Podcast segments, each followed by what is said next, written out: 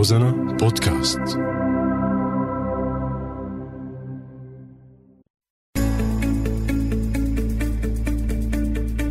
سوريات.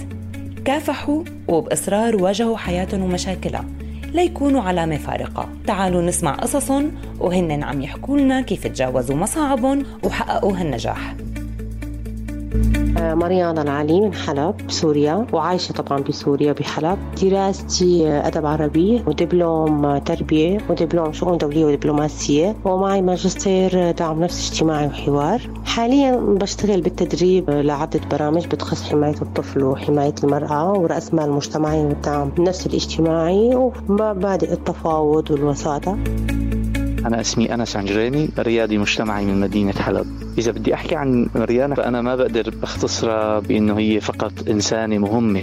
هي حدا ملهم وداعم بشكل كتير كبير. تعرفت على مريانا وقت اللي كنت عم باخذ معون الجمعية. هي كانت رئيس مجلس الإدارة وأنا بنفس الوقت ما كنت متطوع ولا شيء. أنا كنت داخل كمستفيد أخذ معونة من الجمعية. وهون أنا تعرفت على مريانا اللي هي من المفترض تكون بمكتبة. أنا لقيتها بين المتطوعين عم تشيل الرز تساعد الناس بإيدها. اليوم إذا بدنا نحكي على المبادرات والمشاريع الاجتماعية اللي طلعت في مدينة حلب آخر من سنين فمنقول حاضنة الأعمال لهي المبادرات هي مريانا عام 2008 أسسنا أول مجموعة آه، دعم نفسي اجتماعي للأطفال واليافعين آه، بحلب كان اسمها مجموعة فرح. كانت هي أول مجموعة مختصة بالدعم النفسي بحلب. وكنا نقدم الدعم للأطفال العراقيين الموجودين.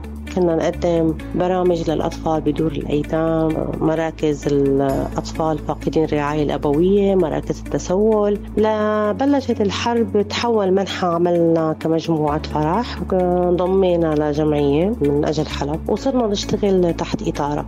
فقدمنا كثير آه، لأسر المهجرة والأسر النازحة اللي كانت موجودة في دور الإيواء بحلب أنشطة دعم نفسي للأطفال ويقدروا يتعايشوا أو يتكيفوا مع الحياة الجديدة اللي انتقلوا لها آه، بعد نزوحهم من بيوتهم لدور الإيواء. فكانت مهمة كتير صعبة لآخر 2013 دخلت المنظمات الدولية تغير منحى العمل لطريقة جديدة. وبلشنا بطريقة أكثر أكاديمية. بتذكر تماما وقت اللي كانوا سيدات الأيتام بدهم ما يكملوا مشروع بلشناه معهم. كيف وقتها هي إجت حكيت معهم وحفزتهم وكملت مشروع جمع مؤنث سالم وقتها ووصلت معهم للمراحل الأخيرة اللي هي كتير غيرت من حياتهم. بكل منبر انت قادرة تكوني موجودة فيه إنك تطالبي بإنصاف النساء وتطالبي على الأقل بتطبيق الاتفاقيات الدولية السيدا و13 25 يلي لازم تطبق حقيقة وتقاريرها لما تطلع تكون حقيقية وصادقة وإنك تدعميها. فهيك انت بتكوني عم بتساعدي النساء. لا ما بيحمي النساء إلا القانون وإذا القانون ما تغير فما رح نقدر نحميها فأنا أيام بوصل لمرحلة بقول لله در المرأة السورية إن كان جوات سوريا ولا براتها ولا بالمخيمات قديش عم تتعذب وقديش عم بينزل كل ويلات الحرب تنزل على راسها. الرجال يصنعون الحرب والنساء هن مراهم الحروب.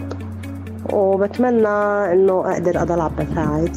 ويكون إنه في لي دور أساسي خاصة السوريات والأطفال السوريين بيستاهلوا مننا أي جهد ممكن يتقدم وممكن ينعمل. أنا محمود بشتغل مع مريانا. هي شخص معطاء بشكل كتير كبير بيتحمل مسؤولية كتير عندها شغف بموضوع النسوية وموضوع دعم النساء. هذا الجانب هو كان جانب جدا مهم لأنه نحن نفتقد لهدول الأشخاص في سوريا وخاصة في حلب. فاعتبرها من النساء الرائدات اللي اشتغلت بهذا المجال لحققت إنجازات على مستوى محلي.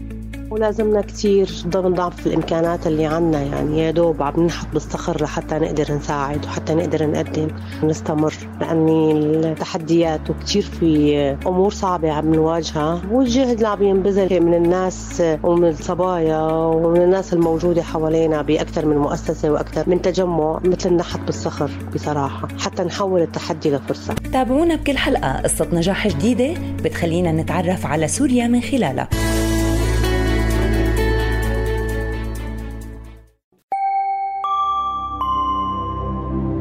روزانا بودكاست